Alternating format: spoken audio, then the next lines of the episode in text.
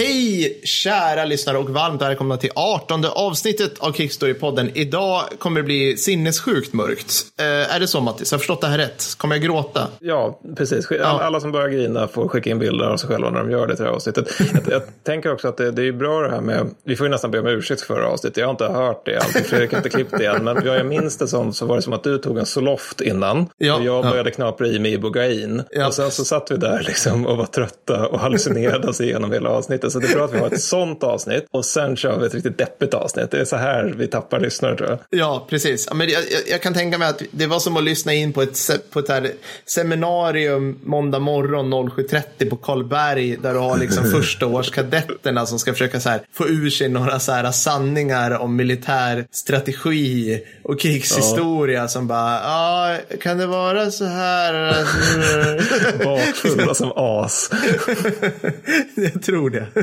Ja. Så det är roligt. Men eh, vi kommer vara mer, kommer mer energi nu, även om det blir tråkigt. Eller? Jag vet inte Nej, men det kommer ju bli blodigt i varje fall. Ja. Vi ska ju köra sån här sla- en slagpodd. Vi har ju haft några Ja! slagpoddar tidigare. Det, ena, det första var ju första avsnittet, Stalingrad. Mm. Och sen så har vi kört Kanae, vilket var avsnitt 8. Och sen hade vi avsnitt 13 också om eh, Kolla. Och nu Just är det det. avsnitt 18. Så att då är det dags för Tarawa. Och fy fan vad gött. Rakt ner i Stilla havet. Det här har ju du och jag försökt skjuta in i typ alla avsnitt hittills. Hur mycket vi är inne i Stilla havet just nu. Ja, det, det är verkligen den näst mest underskattade fronten under andra världskriget. Eller nej, fel, det är den mest underskattade. För, för att eh, alltså, Kina-fronten, den är ju den mest underskattade på så vis att det är den som det skrivs minst om. Ja. Men den är samtidigt, det är ganska tradigt att läsa om den. Ja, ja. Den är liksom återigen som, som sagts tidigare, de, de drar runt i Hunan och Henan-provinserna och bränner upp skövlar. Liksom. Det, det, är här, det är jättebrutalt, det är jättemycket folk dör, men det, det, på något sätt det känns nätt och jämnt som militära operationer, utan snarare så här rullande naturkatastrofer som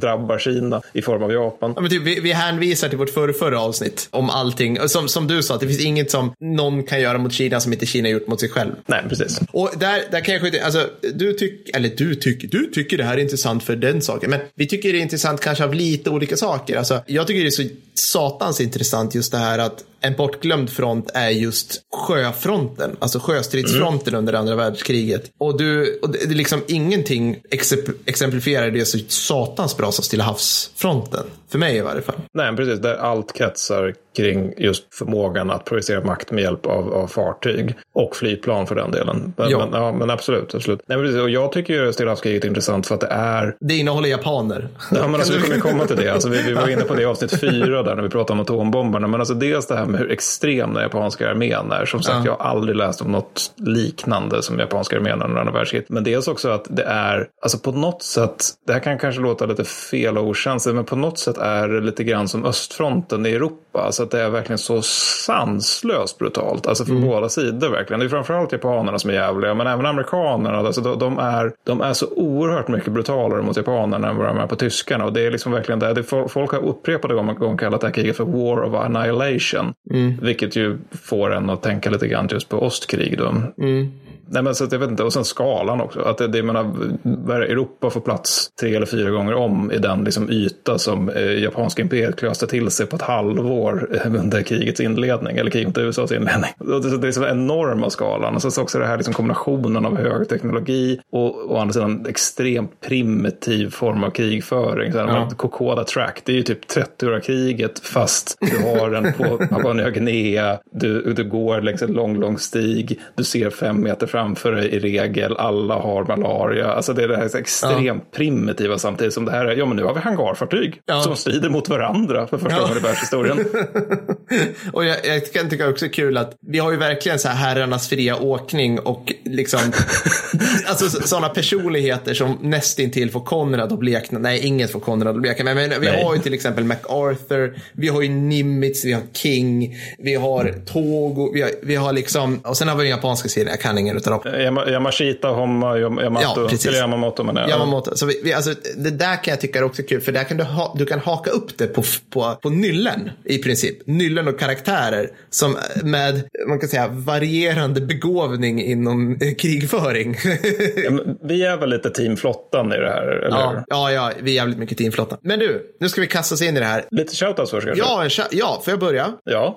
Jag vill tacka Felix på Twitter som har gett mig och Mattis Hearts of Iron 4 eh, på typ en dare. Ja, men skrev så här. Ja. Jag skulle tycka det var kul om ni livestreamar det här där ni försöker spela igenom första världskriget. Jag har en, ett hum om Hearts of Iron. Jag har sett någon trailer. Man spelar liksom Europakartan och det är sjukt detaljerat och svårt realistiskt. Ja, det, det som, jag har kört rätt mycket Europa Universalis som är samma grej fast under tidig modern tid. Och där är det ju liksom att allt avgörs av att du har på 1500-talet upprättat förvaltning. och då på 1600 och 1700-talet då kommer du äga resten av världen. Det vill säga precis som i verkligheten Ja. under 1600 och 1700-talet. Men du, du ska bara bygga en massa kanslier och uppfostra en massa grå eminenser som sen kan liksom se till att du, du har en mer välordnad stat än de här barbarerna som du slåss mot, det vill säga typ Tyskland och Frankrike. sen, sen så kan du ta över Europa och världen. Fan bra. Ja, men Fredrik pre- tycker att det här är ett jättebra spel förut, och det tycker jag med. Ja, men precis. Så, att, så att jag tänker mig att Felix är framför oss, att du och jag sitter och hummar, stryker oss i skägg respektive mustasch och så, så säger så här saker som, vad gör den där knappen? Mattis, hur gör man? Va? Järn? Ja, men du har ju glömt de åtta ingredienserna. Du måste bygga sju stycken olika gruvor på olika ställen. Ingå handelsavtal. Helvete, vi har inte mobiliserat ens. Nej, precis. Det är polisen som utkämpar slag till Marn. Ja, precis. Så att, ja, tack Felix. Vi får se. Det kan ju ha hänt att du och jag faktiskt har slagit tag i, sak, tagit tag i det här och faktiskt gjort det tills när det här avsnittet eh, sänds. Ja, ja, precis. Det, det, ja. Jag ska slänga, slänga in en liten tidsmarkör här också lite senare. Men först ska jag köra mina shoutouts. Ja, kör. Först och främst så har vi då eh, en från iTunes. Jag tar båda från iTunes faktiskt. eh, Som skriver 5 av 5. Tycker svenska staten ska sätta upp ett infrastruktur av högtalare över Svea och basunera ut denna podd 24 7. Allt annat är otänkbart. Punkt. Och utöver de här väldigt vackra orden så är det framförallt användarnamnet som jag fäste, fäste, fästes vid här. Ja. Personen har nämligen skrivit ett under med eh, titeln En medeltung kulspruta. Det är så jävla bra. Det går inte att bli mer värd. Det går inte, det går inte att ha mer förtjänst än det, eller hur? Det mest, nej, det tror jag inte. Men det också, jag, jag tror du har nämnt det här med medeltunga kulsprutor, eller bandmatade medeltunga kulsprutor, kanske liksom två gånger. Men det, är liksom, det har blivit någon grej, inte minst på Instagram, man är helt vansinnig i den tanken, just med medeltunga kulsprutor. Vi Ja. måste väl ha det avsnittet förr eller senare då? Ja, vi måste väl det. Alltså, jag har sett att eh, fronten har, de har klott oss i det här. De hade en av fem, eh, 58. Men jag tänker, vi kan ju vara lite mer allmänna, tror jag. Jag Ja, för fan. Ja, men ja, Så- gud, men det, ja. det, är möjligt att, det är möjligt att det kan bli så att jag kommer ut typ med en t-shirt där det står medeltung bandmatad kulspruta på innan vi hinner,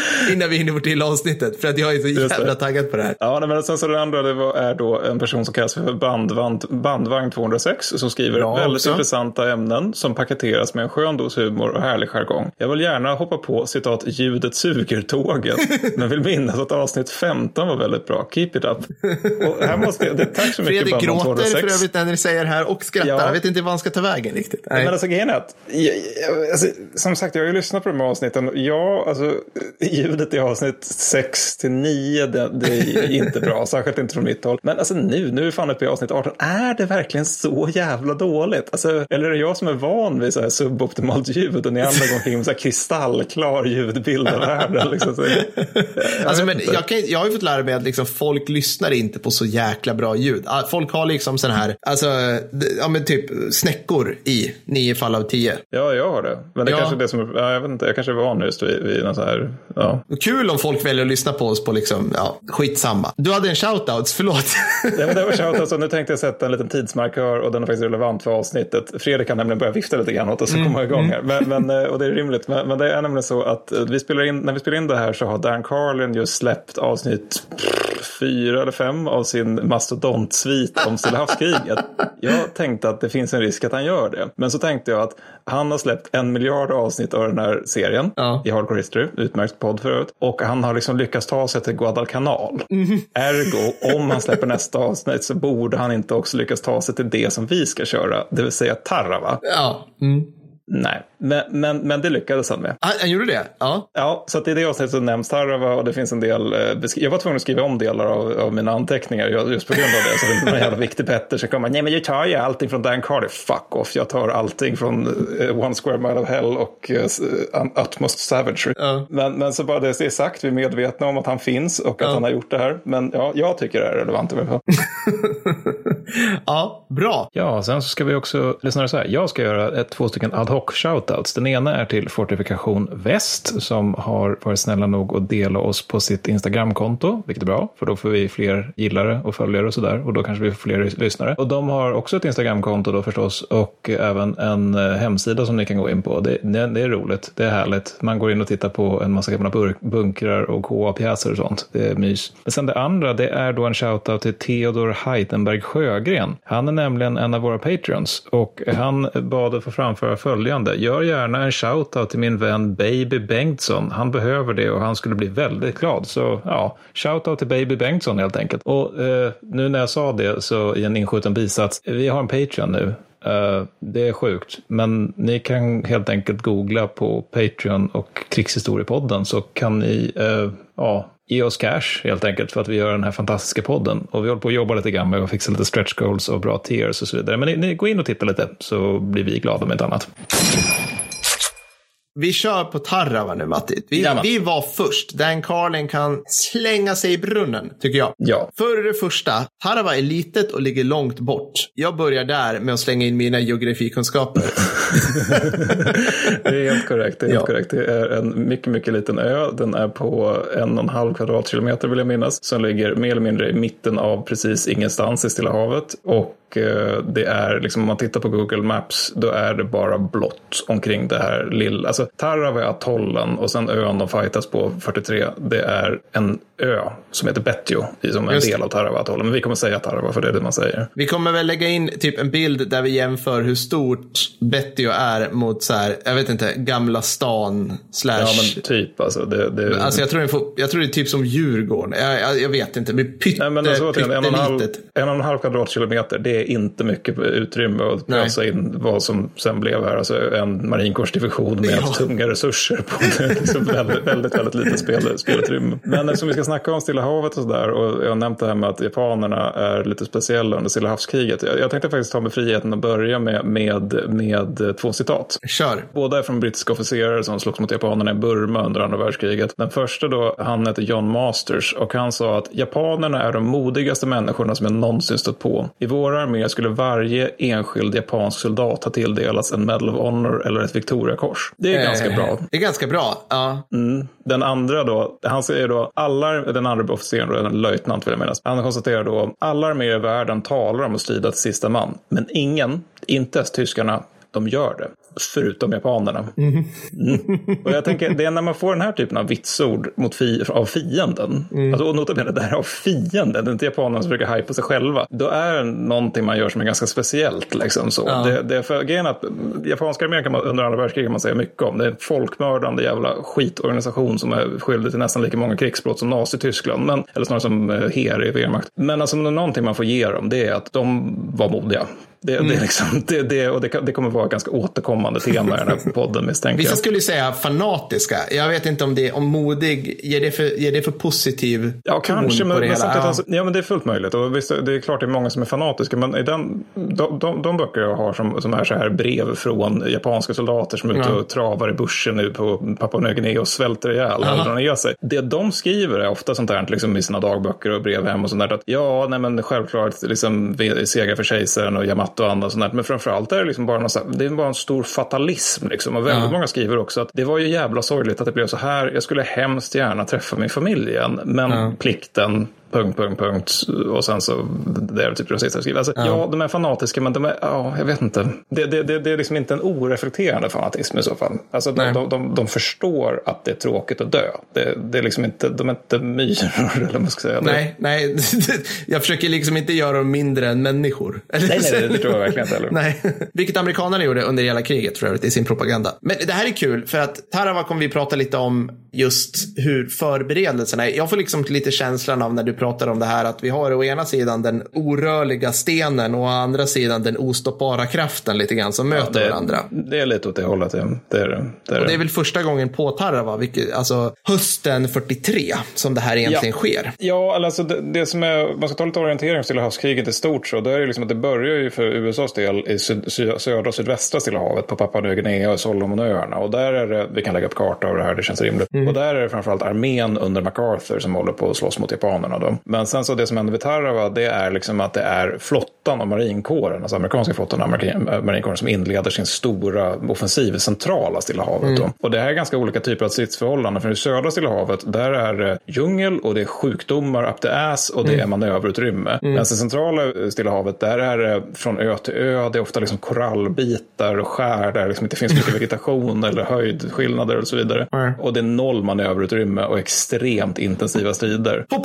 paradisöar för övrigt, de är ju skitvackra de här. Gå in på Google ja, Earth och kolla.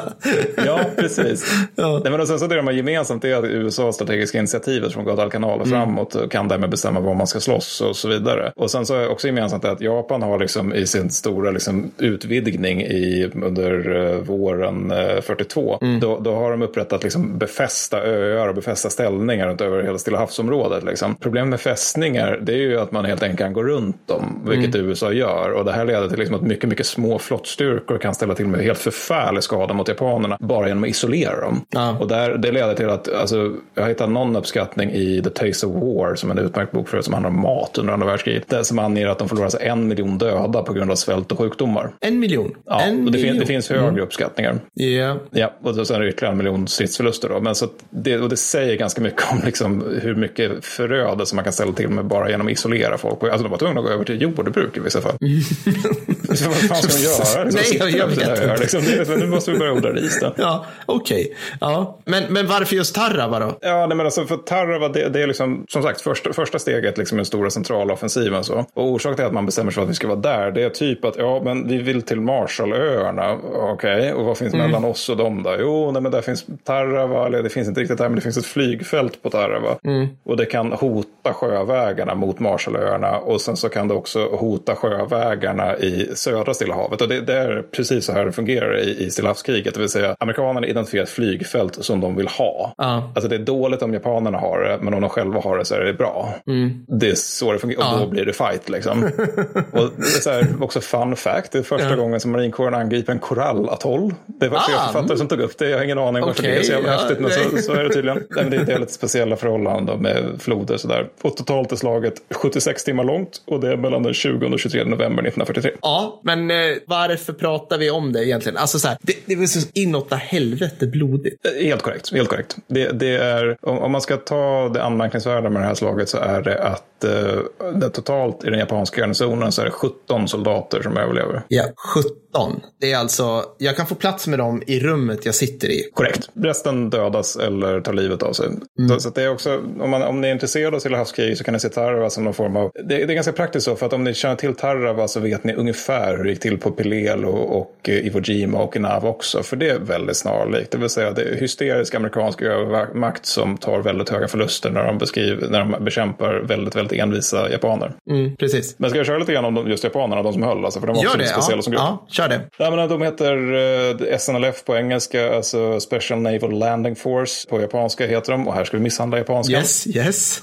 Kaigun Rikosentai. Och jag, jag vet inte, jag, jag är ingen anime-fan så, så att jag, jag, antar att man säger Kaigun Rikosentai. Fredrik, kan vi få en anime-karaktär som så skriker någonting? Du vet så här, äh, eller något bra. Yosh!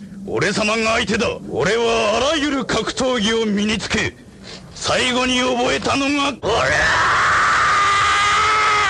Precis, vi behöver få in lite glädje i det här avsnittet ja. också. Nej, men alltså, de, de, är typ marininfanteri, typ marinkårssoldater. Och det, det, är liksom lite debatt om vad de egentligen var för någonting. Men de är liksom tillhör flottan, det är deras eh, anfallsstyrkor. Så. Det finns 50, total, 50 000 totalt i hela krigsmakten. Då. De har hoppförmåga, mörkgröna uniformer och lite intressant, amerikanerna noterade att de var väldigt storväxta för att vara japaner. Det är någonting de återkommer till, att just med Rico Sentai, att de, de var ganska alltså, de var stora helt enkelt, mm. välnärda. Varandra. Och de här använder man framförallt för att ta mindre öar och göra räder, liksom så här lite spe Spec-Ops-artat så nästan. Medan om man ska ta Filippinerna då är det armén som bara vältrar sig i land, liksom i landstigningsfartyg då. Även om de här också slogs i Shanghai. Och Tarawa, det hålls, det hålls då av, eh, nu ska jag säga, Yokosuka sjätte SNLF. Så mm. sen om, omstruktureras det tredje specialförsvar, eh, specia, nu ska jag säga, tredje specialbasförsvarsstyrkan.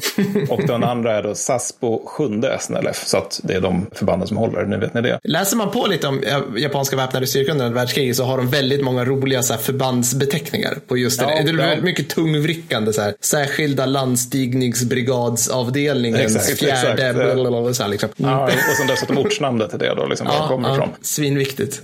och det är nyupprättade enheter, men de innehåller många veteraner och mm. Eh, de flesta officerarna har tjänstgjort i Kina då. De har rätt, också, dessutom rätt mycket tunga vapen för att vara ja, japanskt infanteri i största allmänhet då. Och sen finns det också lite, lite soldater från särskilda basstyrkan, lite pinjärer och därtill civila byggnadsarbetare ah, från Japan. Mm. Ja, men, men eftersom det ska då tilläggas att de är civila byggnadsarbetare, men när slaget bryter ut så är i praktiken soldater. Ja. Mm. Då, då, får de gevär liksom. Och... De, de får gevär, alltså de... de... Ja, stridsuppgifter också. Yep. Och sen finns det en del koreanska slavarbetare där också. Just det, att betrakta som djur från japanernas sida. I högsta grad. Ja, nej, men de där två sistnämnda grupperna, deras, framförallt, deras stora roll är framförallt att de släpar ammunition och sårade under slaget. Ja. Liksom, de har ändå faktiska uppgifter under slaget. Och om man ska då ta vad de här människorna, alltså de är SNLF, vad de genomgår under sin grundutbildning, så bland annat så tvingas de ut på 40 mila marscher bärandes två tredjedelar av sin kroppsvikt. Och då får de springa sista biten genom hård terräng.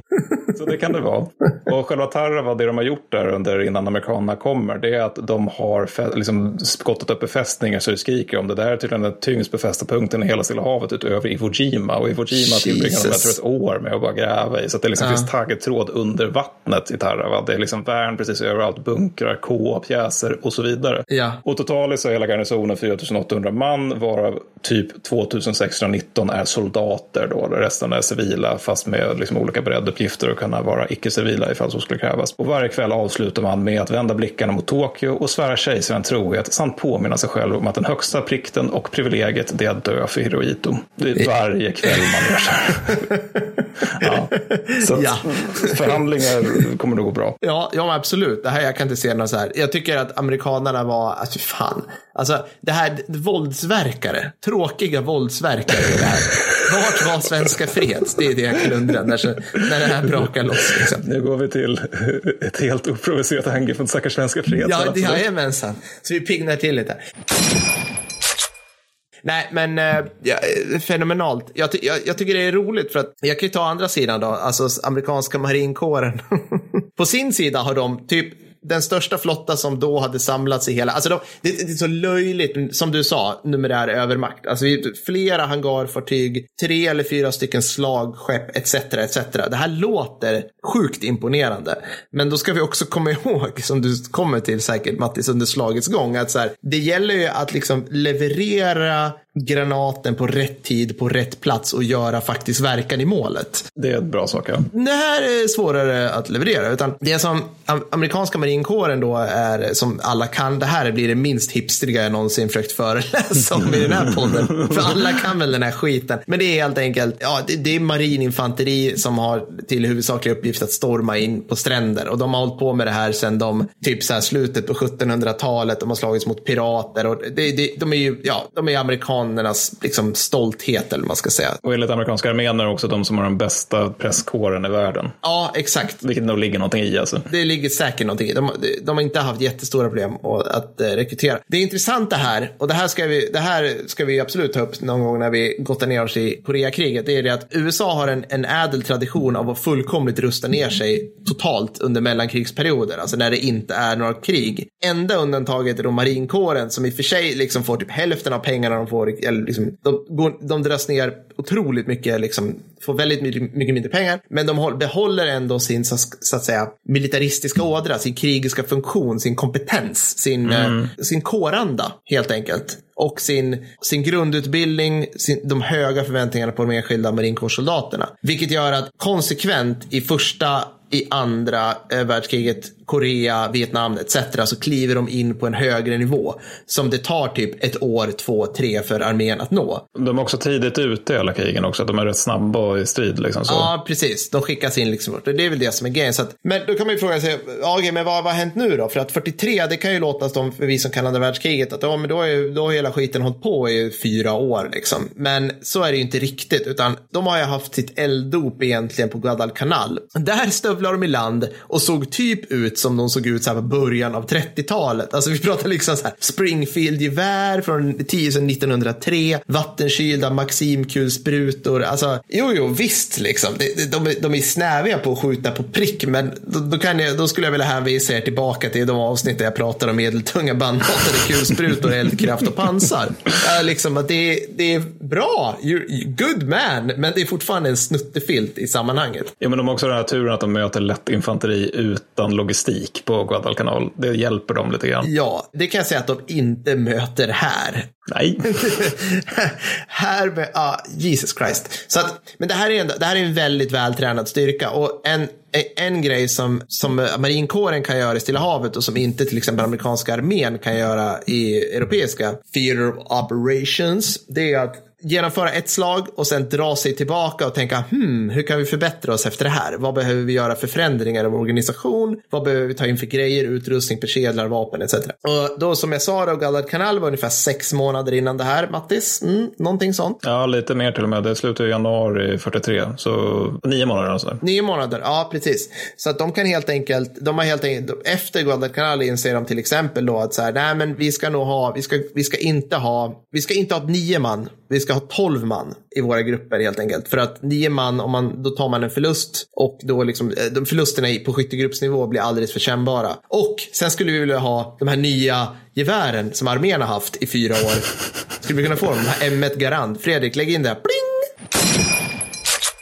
Ja, tack. Ja, det är roligt. Ni vet alla vad jag menar. Det, det är för övrigt förmodligen det bästa semiautomatiska geväret det enda, höll jag på att säga, men en av de bästa, absolut bästa eldhandvapnen under andra världskriget som tilldelades. Men varför? Så det, alltså de, det, här är, det här är välutrustade, vältränade soldater som kliver i land på Tarawa. Och man kan tänka sig så här till exempel att ja, skulle det inte kunna vara så då att de, de löser det här rätt så bra? Alltså de, de vet hur det här nu fungerar. Nej, för att det här är alltså, du kan, de har varit med om en del grejer, men det här är alltså första gången de kliver ur sina båtar och kliver i land och möter motståndaren, alltså toe on fucking toe på stranden direkt. Alltså du, du, du, liksom, du gör våldsam landstigning mot GRK, tungt artilleri, tunga kulsprutor, minor, taggtråd, rakt in i skiten. Alltså det här, jag vet inte, alltså, du kommer ju ta det sen Mattis, men det här får ju liksom öppningsscenen i serien Private Ryan att likna en så här helt normal, liksom lättare typ av anfall. Liksom. Om man ser till förlustintensitet så var det typ så i verkligheten mm. också. Det, men också om man jämför med just landstinget på Guadalcanal, där är det liksom så att de kommer i land 7 augusti 42 och sen så är det liksom att de undrar lite grann, var är japanerna någonstans? Ja, exakt. De inte av japanerna på ganska länge på Guadalcanal, men den här som du säger, här är det rakt in i liksom fiendens tänder verkligen. Ja, precis. Jag kan ta jag kommer lite grann till vilka slutsatser de drar efter det här. De är rätt långtgående kan man säga, ja. vad som ja. behövs. Så uh, Mattis, du får ta slaget här tänkte jag. Yes, jag kan tillägga då när det gäller just de, de marinkåren då, de, de, den enhet som angriper Tarawa det är andra marinkårsdivisionen, vilket är till 55 procent veteraner och totalt 19 965 man då. Också tillägg, det är att de har all den här fina utrustningen. De är betydligt tyngre beväpnade per skyttegrupp och pluton än vad japanerna är som du säger. Oh ja. Men någonting de har för lite av det är eldkastare. De, de ska ha, jag tror det är, de ska ha en per pluton, men, men, men det har de helt enkelt inte. Och sen så har de också för få landing vehicles tracked, alltså LVTS slash Amtrax. Och det Per, det är? Det är för första gången, det är inte Higgins-båtar, vilket är det viktiga. Ja, precis. det, det, är alltså, ja men med lite god vilja skulle man nog kalla dem för stridsfordon. Det är alltså eh, bandgående amfibiska fordon med, med typ två stycken tunga kulsprutor på. De här 50 cal som jänkarna sätter på alla. Och det här är ju svinbra bra, för det här betyder att du kan åka in i strid. Du slipper liksom göra avsittning rakt in i fiendens eldgivning som det är med Higginsbåtarna. Higginsbåt, det är Saving Private Ryan, öppningsscenen, så ni har det framför er. Så att det är väl de som kommer fram, va Mattis? Ja, Eller hur går det här till? Vi, vi kommer till det. Jo, nej, men alltså för först har man ju en förberedelse. Det är tre timmars beskjutning med fartyg, flyg, allt. Liksom, det är Den 3000 ton. gigantiska flottan vi pratar om. Ja. Japp, nej, men det är 3000 ton spränggrejer som de slänger ner på japanerna då. Mm. Och kontradmiral Ho- Howard Kingman han säger då, då lite kaxigt till journalisterna då att we do not intend to destroy the island, we will obliterate it. Nice. Man, Ja, när, man ser, liksom, när man ser då liksom den här rykande ön då, då tänker då de flesta amerikanerna att ja, det här blir en lätt match. En eh, person som inte håller med det är dock han som anför marinkårssoldaterna, eh, det vill säga general Holland Howling Mad Smith, som Mhm. han tycker att vi borde få längre reförberedelse. Men han- honom skakar man bara bort. Liksom, att nej, nej, nej, det där. För grejen är att den här förbekämpningen gjort är att den har haft sönder mycket eh, japansk kustartilleri och eh, framförallt samband, vilket är ganska viktigt i och för sig. Mm. Men bunkrar och världar är mer eller mindre intakta. Det är, lite- 3000 ton det är alldeles för lite helt enkelt. Så sen får marinkårssoldaterna sin traditionella anfallsfrukost av stek och ägg. Ja. Och ja. sen så börjar då de tre första vågorna som sitter i 87 stycken Amtrax, de börjar anfalla. Men det är då de tre första vågorna och resten sitter i Higginsbåtar. Alltså våg 4 till 10. Och Betio, det är omgivet av ett korallrev på flera hundra meter. Och det här är inget bra. På norra sidan där, in mot Mm. lagunen liksom. Precis. Och det här är inget bra för det här innebär att USA är be- beroende av tidvattnet för att Higginsbåtarna ska kunna ta sig fram till stränderna. det, det är ju liksom inget Men bra. allt går väl som planerat, Mattis? Eller vad menar Ja, de, du? tänk, de, de tänker sig att det ska ta några timmar liksom att genomföra det här. Då. Men, men, men eh, ja, nej. Men eh, natten innan anfallet då så har japanerna samlats förbandsvis, svära- svurit att dö för kejsaren och väljer självmord framför kamp- kapitulation. Men det är ganska gängse så det behöver man Ja, inte hänga upp sig så mycket Nej, på. nej. Men sen kommer själva anfallet då. Så man, man når embarkeringslinjen klockan 8.20. Det blir vissa förseningar på, olika, på grund av olika strömmar och sånt där. Och japanerna, de blir ganska förvånade när de ser Amtraxen. För de har tänkt sig liksom att nej, fienden bara ska fastna ute i korallrevet. Men Mm. Amtraxen, de har ju band som du berättade om då. Så att de kan helt enkelt rulla över korallen då. Mm. Och amerikanerna, de blir i sin tur väldigt förvånade över att de överhuvudtaget blir be- be- beskjutna. För de ser ju bara den här brinnande, rykande ön. Mm. Så de tänker att inte fan kan det finnas någon där. Men ungefär 150 meter ifrån Betio, då öppnar japanerna eld med allt de har. Vilket förstås är lite av en chock. Sen då noterar marinkårssoldaterna när de sitter i sina Amtrax då, att en del japanska officerer står på sina värn med dragna katanas och utmanar amerikanerna på duell. Det här är ju också bara ganska Men vad skulle amerikanska du göra, kan man ju fråga sig.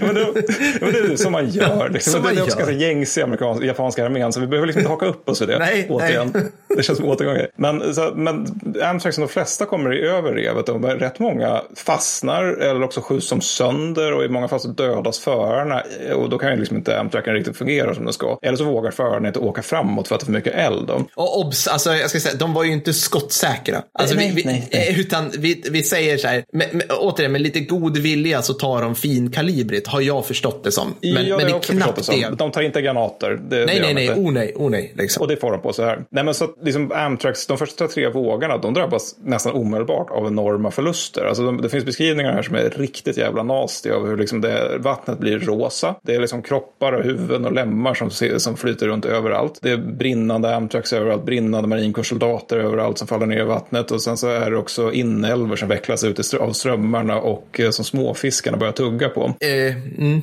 Ja, eller hur? Trevligt. Det blir Eh, grimdark. Det är väldigt grimdark jag helt enkelt. Det här är vår jag varnade för det. 40k-podd. Vi är på väg in i vår 40k-podd här. Snart, snart är det, är det där. Exakt. Ja. Ja, men exakt så. Nej, men så första meddelandet från stranden då är ganska rimligt, för det lyder så, enligt följande. Landat, punkt. Ovanligt hårt motstånd, punkt. 70-procentiga förluster, punkt. Kan inte hålla, punkt. Och det här är ju då för att hela kompanier amerikaner just blivit utraderade. Så Amtraxen, de har ändå gjort sitt jobb. Liksom. De har lyckats få, få infanteri över korallen och det är ju det man vill ha dem till. Då. Higginsbåtarna däremot, de är fast borta på korallrevet. Ja, det var, för det var så här att typ, någon hade, den amerikanska, liksom, inför planeringen så hade de sagt att men här ska det vara fyra fot vatten. Mm. Och så var det någon annan som sa någonting så här, "Ja, men det brukar aldrig vara fyra fot vatten där. Det, det står Nej. fel. Och de här planerarna bara, men om det står fel där om det är fel i verkligheten, då funkar inte min plan. Så vi går på min plan.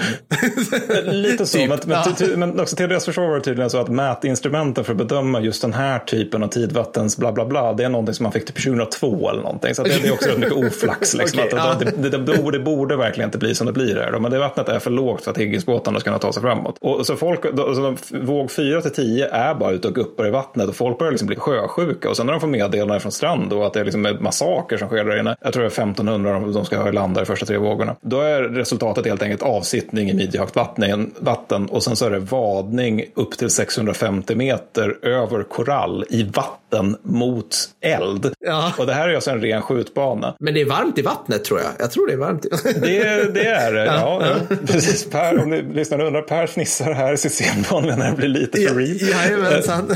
Ja, nej, men alltså, så det, det här är ju återigen så här fullkomlig, alltså fullkomligt Alltså japanerna de kan ju öppna eld rakt in i Higgins-båten när de fäller sina ramper. Och det leder i vissa fall till att de här tungt lastade marinkårssoldaterna hoppar liksom av från sidorna istället ute på öppet hav. Men de har ju liksom på sig, de har blöta uniformer, de har på sig full stridsutrustning. Många har ju liksom med sig så här GRK-ammunition och liknande. Så de, de åker bara rakt ner i havet. ja. Ja, ja, de drunknar. En del officerare måste liksom dra sina tjänstevapen för att få en mening att dra framåt. För att det är ganska, det är ganska naturligt för en människa när han blir, hon blir beskjuten. Det är ju att de kurar ihop sig och försöker ta skydd mot, bakom Mm. något. Men det finns ju fucking inget fucking skydd här ute. Det är ju bara vatten och lite Mm. koraller. Så att liksom det är olika, någon överstelöjtnant bland annat som mer eller mindre säger till någon marinkårssoldat att ja, du kommer dö.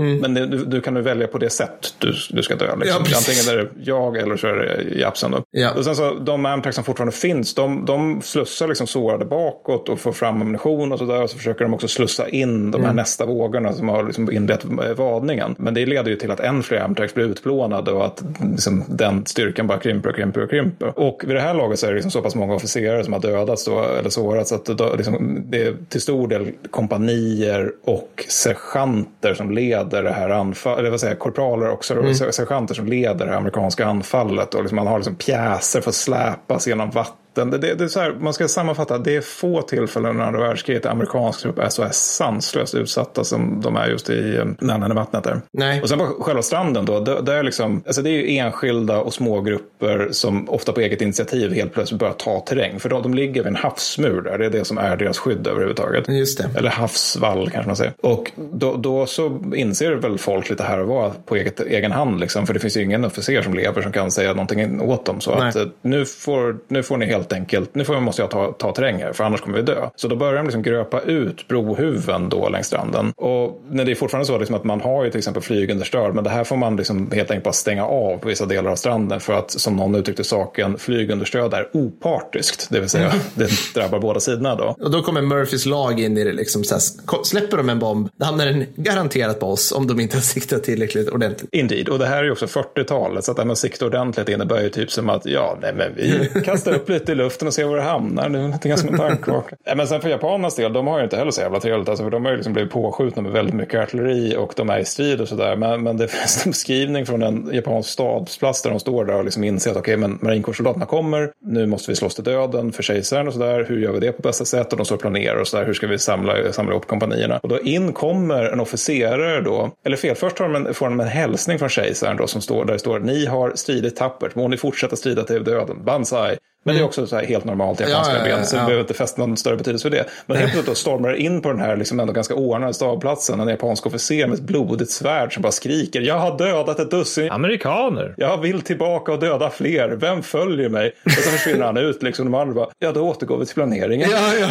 Men det här är väl också liksom bara någonting som händer i japanska armén. Så det, det, det är väl inte heller man behöver ta fa- fa- fasta Nej, vid. nej. Men vid tre snår så dödas Det är en spännande arbetsplats måste jag säga. Ja, Då verkligen. skulle vi vilja veta mer. Ja. sånt här kan hända även oss. Ja. Nej, men så vid 15 snåret då, i alla fall så dödas kommandanten för Tarawa, amiral, nu ska vi se här, Keiji Shi... ja kom igen nu, kom igen nu Mattis. Slakta det japanska språket. Amiral Keiji Shib, eh, Shibasaki. Kiav, någonting sånt. Han, han får i alla fall en slumpad granat på sig och det här innebär liksom att japanerna helt plötsligt är ledarlösa. Så, mm. så, så kan det gå. Så att till kvällen av första dagen, då är det liksom att amerikanerna har gjort tre stycken inbrytningar. Och det är liksom eh, landställningsställen Red Beach 1, Red Beach 2 och Red Beach 3. 1 och 2 då, de, följs, de skiljs dessutom av, av en ficka av vilt stridande japaner som kommer mm. fortsätta vara där under resten av slaget. Sårade ligger liksom bortom taggtråden och kan inte hjälpas. Japanerna de simmar ut till förstörda Amtrax i, i, i eh, havet och för att kunna beskjuta amerikanerna i ryggen. Då. Och. Eh, alltså, Japan, amerikanerna konstaterar ju liksom att de här människorna kommer att dö och det vet de. Men ja, ja så kan det vara. Så 5000 man sattes i land första dagen. 1500 förluster kvällen. Så det, det är ganska hög förlustratio så, ja. Eh, för den amerikanska armén. Och USA är här, eller snarare amerikanerna är extremt utsatta. Och japanerna har en chans faktiskt att helt enkelt förinta brohuvudena. Men de, de torskar ta den chansen av det enkla mm, skälet mm. att deras samband och ledning finns inte längre. Utan istället är det bara olika kompanier som ligger i sina världar och tänker nu jävlar. Mm. Men de har ju ändå, jag vet att de har ju ett, ett världssystem som täcker hela ön. Så du kan ju röra dig från en punkt till en annan utan att liksom behöva korsa någon öppen yta någonstans. Det är väl också en, en del liksom som gör att de, för jag, jag för mig att läsa att de flyttar förstärkningar ändå för att kunna mm, ja, slå på amerikanerna. Men, men nu har det blivit natt alltså. Vad händer då? då liksom? Ja, men det, det som händer då, det är det som alltid händer när, när uh, japaner möter andra under natten. Det vill säga att det, det, det, de är duktiga på att skrämma upp folk så. Alltså, de är duktiga på att inte låta folk sova. Så det, det är mycket patrulleringar, det går inte att kalla det egentligen, för de är så nära varandra. Så det ska tilläggas, det är ju i regel närstrid under hela slaget. Liksom. Mm. Men, men, men, det är liksom att de är ute och smyger på amerikanerna och uh, kanske lurar, kommer ner något värn så där knivar någon eller att de kastar någon handgranat. Och sen amerikanerna förstås kastar tillbaka handgranater och liknande. Men, men det är mycket sånt, liksom, att man håller på och skriker på motståndaren på tattig engelska och uh, försöker skrämma upp dem egentligen, försöker få dem att inte sova. Mm. Vi här på Krigshistoriepodden brinner ju givetvis för att du så lätt och enkelt som möjligt ska kunna riktigt mysa ner i krigshistoria. Och vad det doftar mer krigshistoria än medeltunga bandmatade kulsprutor. Tur då att den nya tekniken finns oss tillhanda. Fredrik har nämligen försakat fru och barn och suttit på sin fritid och tagit fram 3D-printerritningar för våra mest älskade understödsvapen. Allt du behöver är en skrivare som kan skriva ut stål, trä och plast. Va? Fredrik, fi du, finns det inga sådana? När fin kommer teknik? Tekniken kommer snart. Okej, okay, du är säker? Den kommer snart? Ah, ja. Okej, men jag, jag kör den då. Ehm, ja, hur som helst. Eh, Mattis, du äger redan ett halvdussin, eller hur? Jajamän. Ja, ni hör. Maila oss så löser vi det här åt er.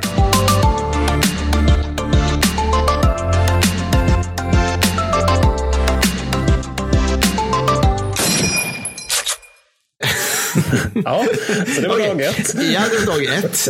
Vad mysigt att vakna ja. upp där. Är det, är det någon som tänker att de är på en paradisö här eller är det bara liksom?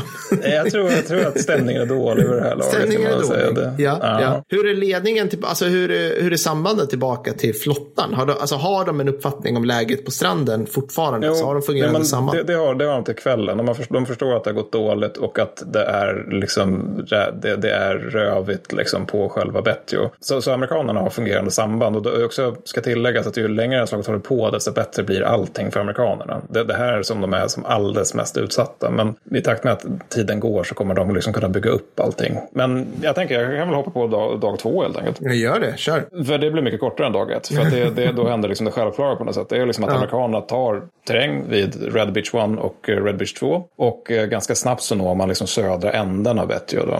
Red, Red Beach 3 där händer nästan ingenting. För att där är det liksom att det finns tre stycken nästan ogenomträngliga fästningar alldeles på anfallsstranden. Så det var ju lite olyckligt. Mm. Så där blir det egentligen bara så här tjurrusningar mot de här fästningarna. Eller fästningar, det är som stora kullar som man har fyllt med betong och japaner. Liksom. Mm. Så det, det, är liksom bara spring på dem ungefär. Ja. Och eh, det, är, det som händer i praktiken under både dag två och dag tre, det är bara ren nednötning. Liksom. Det, det, striden är väldigt, väldigt närgången. Man kör med väldigt mycket handgranater. Det är alltså bokstavlig bajonettfäktning på stränderna, vilket är ganska ovanligt under Ja. modernt industrikrig. Så.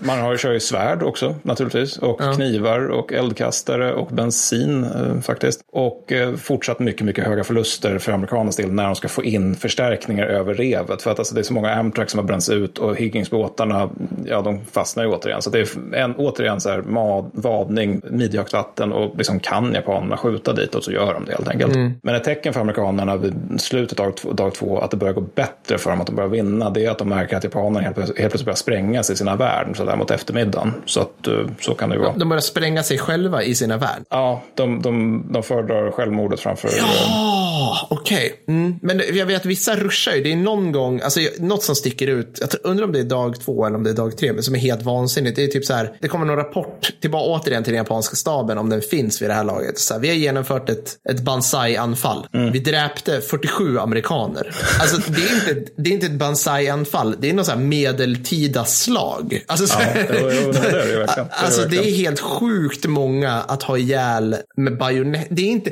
det är liksom inte så här gravida kvinnor och barn i Nanking som du, som du knivar, utan det är amerikanska soldater. Ja, Alltså, jag, jag bara, jag bara 47 Välutbildade stycken. amerikanska soldater med ja! eldunderstöd. Ja, och du lyckas ha ihjäl 47 stycken. Du dör på kuppen. Ni kanske var 100 pers i ett kompani som genomförde det här, men ändå. Ja, japanerna var säkert nöjda. Det, Jag bara så här, men det är så sjuka grejer liksom. Ja, det är det. Är det. Men det är mycket det här som är så speciellt med det här slaget. Det är just att det är så närgånget. Alltså att de är på så oerhört nära varandra precis hela tiden. Och det leder ju också till att en del marinkårssoldater, de sover inte överhuvudtaget under det här slaget. Det är 76 timmar då de bara är igång och håller sig vakna på adrenalin. Liksom. Men, men sen själva miljön i sig är helt jävla förfärlig. Jag kollade snitt, snitttemperaturen i november på Betty och det är tydligen 30 grader Celsius. Så solbränna och solsting, det är ju liksom något som händer kontinuerligt. Och sen så sanden då, du pratar ju om Pa- Paradisö. Tänk dig den här vita, finkorniga sanden. Det är så vackert, man, ser Ja. vågorna spridas. Ja, men Problemet med det då, det är att den här vita, finkorniga sanden, den drar ju in i sårade sår. Liksom. Ja, ja, alltså visst. förvärrar hela det, den skadeprocessen. Då,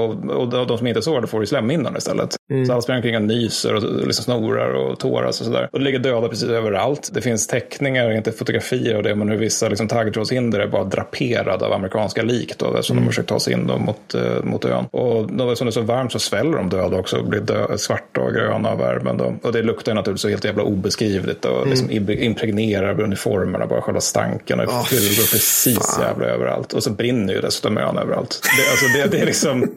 Det, Ja, det, såklart. Ja. Ja, ja, så det, det, och sen bara en sån här liten detalj som gör det ytterligare lite jävligare för de som Mm. utkämpar slaget. Det är alltså att jag har nog aldrig läst någon skillnad där det beskrivs hur, hur, eh, hur japanerna äter eller dricker eller sånt där. Men det är nog lite grann för att det är så få som överlever. Men amerikanerna, de får ju ändå in mat och vatten. Liksom. Ja. De, vattnet får de in i bensindunkar. Ah, just Men det. du har liksom trossaporna som har det som uppgift, de har liksom inte orkat diska dunkar ordentligt, så det smakar ju bensin. Så Ja. det stående skämtet är liksom att man ska inte dricka vatten i närheten av eldkastare, för då kommer man explodera. Liksom. Det, det, det, det är så bara en sån liten grej som att det här att dricka vatten är en pissig upplevelse, vilket gör det här slaget till en ytterligare pissigare upplevelse så generellt. Då. Ja, fy fan. Ja, det där är, ja, alltså, okej, som du säger så det rullar ju på. Jag, jag kan väl ta det lite grann att vilken chock det här är för organisation. För att du, du gillar ju att prata om enskilda soldater och jag har ju, jag har ju sådana här, vad heter det, empatistörningar, så jag skiter i enskilda människor. nej, nej, det är jag inte. Men, men, men jag går återigen upp en kanske nivå och snackar om det liksom. Så okej, du säger det här liksom, allting, trots att det här det enda amerikanska marinkåren har som uppgift är egentligen att göra precis det de gjorde nu, storma ständer. Och lik förbannat så ballar allt ur i kaos. Och det är väl, kan man säga, å ena sidan faktiskt, ja men det, kriget är så, det drabbar alla. Å andra sidan så bara, ja men kunde de inte göra något bättre? Jo, och det de kommer fram till, det de skulle ha gjort, och som blir egentligen den- den mest seglivade effekten av Tarawa i en sån liksom välkänd organisation, det är att de går över till att vara 13 man fördelade på en styck gruppchef och tre stycken fire teams. Vi kallar det för omgångar, så omgång ett till och med tre. Och de kör det med det än idag. Jaha, de kommer, ja. de, ja, ja, för fan. De är 13 man. Och det här tycker jag är intressant för att ju mer man läser om det här så inser man att det är inte så jävla dumt. Och är det någon, är det några som ser till att liksom hyfsat grundläggande med väldigt mycket byråkrati i ryggen göra sådana här ändringar så är amerikanska marinkåren. Man kan ge sig fan på att det sitter så 40 överstar och bara forskar på vad som är den, den perfekta antalet skyttesoldater i en grupp. Alltså ja, garanterat. Ja, ja, gud. Alltså, jag har läst en del, en del, dokumentation som de här lämnade efter sig efter kriget och det är ju rätt kul just hur jävla ordnat det är. Det är liksom så här, ner till spänningen i batterierna. Liksom, så här, ja. Vad är mest effektivt? ja, men det, det är fascinerande. Så att, så att jänkarna köper det här fortfarande. Så det, det, frågan som dök upp när jag kollade på det här, liksom, varför gör inte vi det här? Jag har ingen jävla aning. Nej, alltså, på det. nej men okej, okay, fine. Vi får inte plats med 13 pers i ett stridsfordon 90 eller en, liksom en, en Patria. Men liksom, man kan ju fördela det på olika. Så att, och det här är sjukt stridstestat i alla miljöer. Ja. Alltså de har haft det från då Tarrava, eller från egentligen Iwo Jima och de här nästföljande slagen till nyss, till Fallujah, till liksom Irak, alltså Afghanistan, you name it. Liksom. Så ja, jag vet inte. Jag kastar ut frågan. Om du är eh, en, eh, om du har tagit in examen på hjälteskolan skolan Karlberg och kan din Clausewitz up your ass, kanske jobbar i Försvarsmakten, hör av dig. För att vi undrar, faktiskt, varför har man inte sådana här tre stycken omgångar? Som, det verkar vara väldigt mycket lättare att leda och speciellt upptäckte de här i den kommande djungelkrigföringen. Inte på Tarawa mm. men på, i andra att det här var mycket, mycket bättre. Så att, eh, ja. Mm, ja men utmärkt fråga. Ja. Ska jag riva av dag tre då medan ja, innan ja, Fredrik ja, på? Absolut, sista skälvande timmarna. Mm. Yep. Nej, men det, det som händer då är det självklara. Alltså, så, ja, amerikanerna blir successivt starkare samtidigt som de får in saker. Medan japanerna, det de har på Tarawa, det är det de har. Så liksom, för varje förlust så blir de svagare. Så amerikanerna de blir starkare, japanerna blir svagare. Och det innebär att liksom, dag tre så det är väl ganska praktiken över. Liksom, alltså att de här fästningarna i Red Beach 3 de intas. Utgångarna täcks med sand av bulldozers och sen så häller man ner handgranater och brinnande bensin i alla luftgångar. Liksom då. Och sen på natten då så genomför man ett Banzai-anfall och det här är den japanska termen Gyokosai, tror jag uttalas så. Du måste vara argare Mattis. Gyokosai! Gyokosai! Nej men det är 300, 300 japaner var många är skadade då som helt enkelt går till anfall mot eh, total övermakt. Typ 170 massakreras bara av eh, amerikanskt eh, artilleri. Och eh, sen så är det typ självmordsbombare ibland som hoppar ner då i amerikanska värn och med svärd och knivar försöker göra sl slut på så många amerikaner de kan. Men det här löser ju Old News, Stilla havet, så här är Ja, men också, det här är också så att det löser ju amerikanerna ganska lätt för att det är så få så sårade japaner. Liksom. Och dagen efter så är det liksom mer, alltså då rensas ön från de sista japanerna som finns kvar där. Varav många är för sårade för motstånd. Och vid det här laget så är det liksom egentligen ren utrotning som gäller. Det var någon marinkårssoldat som sa att vid det här laget hade vi slutat att ens försöka ta krigsfångar. Så att de tog nog inte så många. Så summa summarum då, amerikanerna förlorar 3797 man. Mm. Varav 1700 pers dödas. Sen finns det så lite killmysförfattare, mm. alltså killmyshistorier historiker som inte tycker om det här med att de förlorar så många. Så de vill säga att det är 3300 man genom att inte räkna in flottans förluster. Men det är helt absurt. Så att flottan och marinkåren sammantaget förlorar 3797 man. Mm. Och japanerna, då är det då 17 då som överlever överhuvudtaget.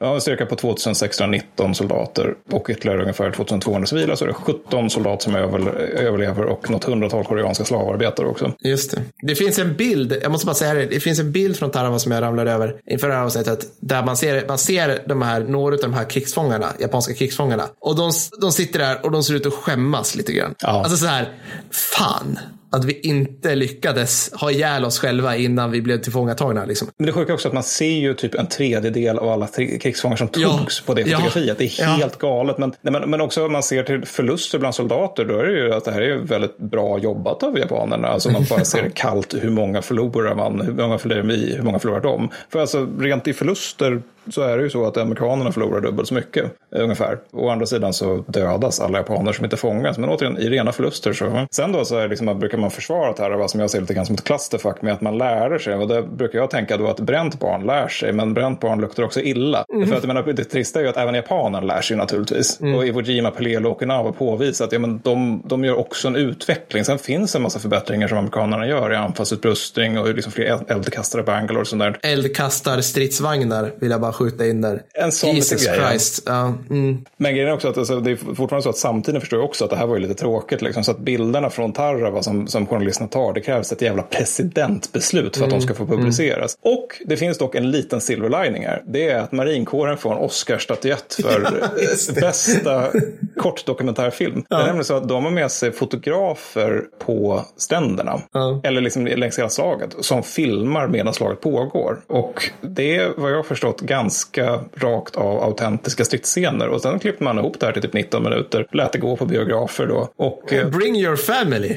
verkligen så. Liksom, det, innan, innan vi ska se den här Snövit-filmen här så ska vi nu se det här massakern här som vi har ställt till med. Eh, så så tänkte man på 40-talet. Men, men den ja. finns alltså. Den, återigen, den fick en, en Oscarsstatyett. Och kan tilläggas att fotograferna var i förmodligen större livsfara än marinkårssoldaterna. Så de var tvungna ja. att konstant stå upp för att kunna sköta sitt jobb. Ja, alltså gud, vi har ju, ja, det, det där skulle vi kunna ta avsnitt om, så här, krigsfotografer. Alltså ja. så här, här har vi, ja, men precis som du säger, det finns ju en bild som jag tänker på. Det är en stillbild och då är det en amerikansk så här, amerikansk marinkårssoldat ger eld mot en, en japansk bunker. Och då, då han står ju ovanför den amerikanska soldaten för att plåta, för att få en så här schysst vinkel. Så bara, ah, nu är här med bunkern där. Som för övrigt skjuter tillbaka på oss antar jag. Och här är soldaten, mm, man ser att han tar sikte här. Han har stål, stål i blicken. Men det, liksom, det måste gått åt så sjukt många. Liksom. får ta en till här så det glänser lite grann. Ja, precis. Vänta, vänta, kan du göra om det där? Jag ska bara...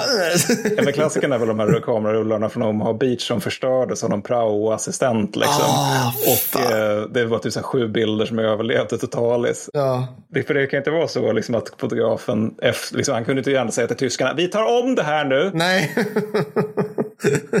ja, nej, men så det, det, var, det var Tarra, fullkomligt ja. elände. Men nu vet ni lite mer om det. Ja, jag tycker ändå att jag höll mig fnissande genom hela, trots ja, allt ja, faktiskt. Det gjorde, ja, det gjorde det. var föredömligt. Så så är det. det. det. blir aldrig för real för mig. Jag kommer alltid fnissa.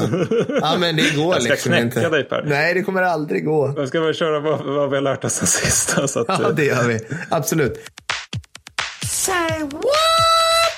Vad du har lärt dig sen sist. Ska du börja då? Ja, det ska jag göra. Jag ska, ska vi se här. Jo. Kära lyssnare, förbered dig på en halvtimme till utav... Ja.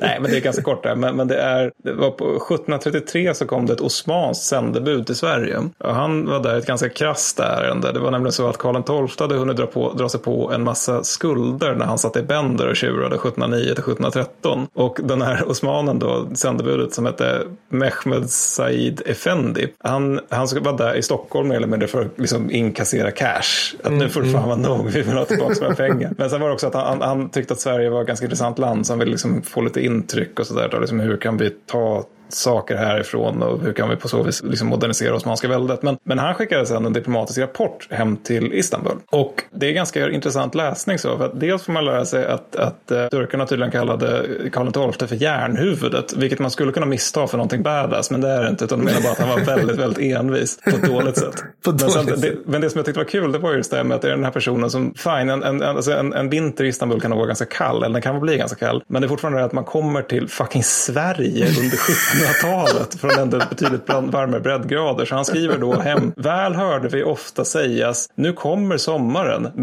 Men fastän eder ringe tjänare stannade fram mot slutet av juli fick vi under hela vår vistelse där inte uppleva en enda dag. Det vädret förtjänade att kallas för ett sommarväder. Jag vet förstås inte om det sedan, efter vår avfärd, kom någon sommar. Gud vet. Och så var också en, en sån här grej som jag tyckte var så här lite stor svensk mysig. Det var att han också påstår för soldaten då att eh, i hela Europa, när någon ska beskriva någon person som är modig så pratar man om dem som att de har svenska hjärtan. Ja, vad fint. Ja, men vad härligt. Ja. Du är rätt glad över. Ja, men vad trevligt. Okej, okay. jag ska berätta om Battle Order. Alltså så här, nu får ni in mycket hur min stackars hjärna fungerar. Eh, alltså, där Mattis går in liksom i soldatbeskrivningar och så här, liksom, eh, livsöden. Nej, nu, nu hårdar jag det här. Jag, jag älskar typ så här, alltså, uppställningar över hur olika obskyra så här, skyttekompanier var organiserade på 30-talet. Och så sitter jag och liksom så här, fantiserar. Alltså min hjärna är lite grann som så här, alltså, vad heter det här, football manager-spelet, kommer ni ihåg det? När man kan liksom så här fantisera ihop och så här fantasy League i USA. Ja, precis. Så jag är lite så här, och då upptäckte jag ju inför det här avsnittet. Det finns en YouTube-kanal som heter Battle Order. För att man måste ha en superseriös individ som sitter och pratar om hur kanadensiska mekaniserade skyttegrupper är organiserade och varför. Inte, ja. Ingen strid är inblandad. Det finns inte en kula hållet. Utan det är bara liksom hans behagliga röst, stämma. Och sen är det väldigt så här, snyggt gjorda illustrationer. Så här, ja, de har två kulsprutor. Men enligt vissa, vissa organisationer så har de en. Fast då kan de kanske lägga till ett p-skott också. Eller ibland så, ja. Det här är verkligen så här krigshistoria som diagnoskriterium. Men jag Ja, ja, ja, alltså, alltså, alltså, jag, jag är djupt inne i det här nu. Jag kan liksom inte... Men jag vet att det finns någon där ute som kanske tycker om det. Så jag kan jag bara rekommendera Battle Order. Som är faktiskt bra. De, det är inte så här tre timmar långa grejer. Utan det är, ja, det är roligt skit. Ja, det var det härligt. Så är det. Ja. Den ska jag klicka in på. Vad pratar vi om nästa gång, Mattis? Vi ska... Det har ju varit flera lyssnare som har velat att vi ska prata om Karl XII och karoliner. Och nu, det är många till och med. Och Mm. Ja, nu jag går vi, oss, ja, går vi er nästan till mötes. Ja, nästan till mötes. Eh, Fredrik, kan, kan, kan, jag få, kan jag få en fotbollsklack under VM som, som kan beskriva det vi ska komma till nästa gång?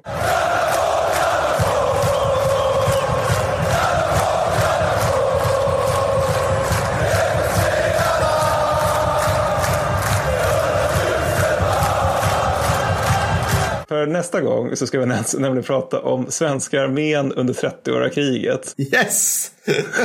Jag menar, det, det här avsnittet var inte speciellt grimdark så nu Nej, jävlar vi nästa gång då blir det. Vi var för lite sjukdomar i det här avsnittet. Sant, det var precis, Det var lite ja. för slagfältssjukdomar. Men jag tänker vi kommer ha en väldigt romantiserad syn på det här. Det blir väl liksom bara som ett... Ja, det var så länge sedan. Det var, Ja. De var knappt människor på den tiden. Det var mera djur, tänker jag mig att de var. Nej, men men, men det, jag, jag gillar att vi är, vi lyssnar på våra lyssnare och bara, ja, men det ska vi göra. Och sen gör vi nästan det, fast inte. Alltså, Men, alltså, det finns folk bara, karoliner, och vi bara. Ja, men ja, precis. ja. Det är inte tillräckligt hipster. Nej, precis. Vi vill ha 30-åriga kriget. Vi tycker Ja. att det är roligare. Så, eller intressantare. Jag måste Ja. komma ihåg att säga rätt där. Ja, precis. Där kommer det bli en massa fina slag. Det kommer det bli. Ja, det kommer det bli. Ja, jävligt bra. Härligt. Men eh, då syns vi då. Ja, ha det gött. Du med. Hej. Hej.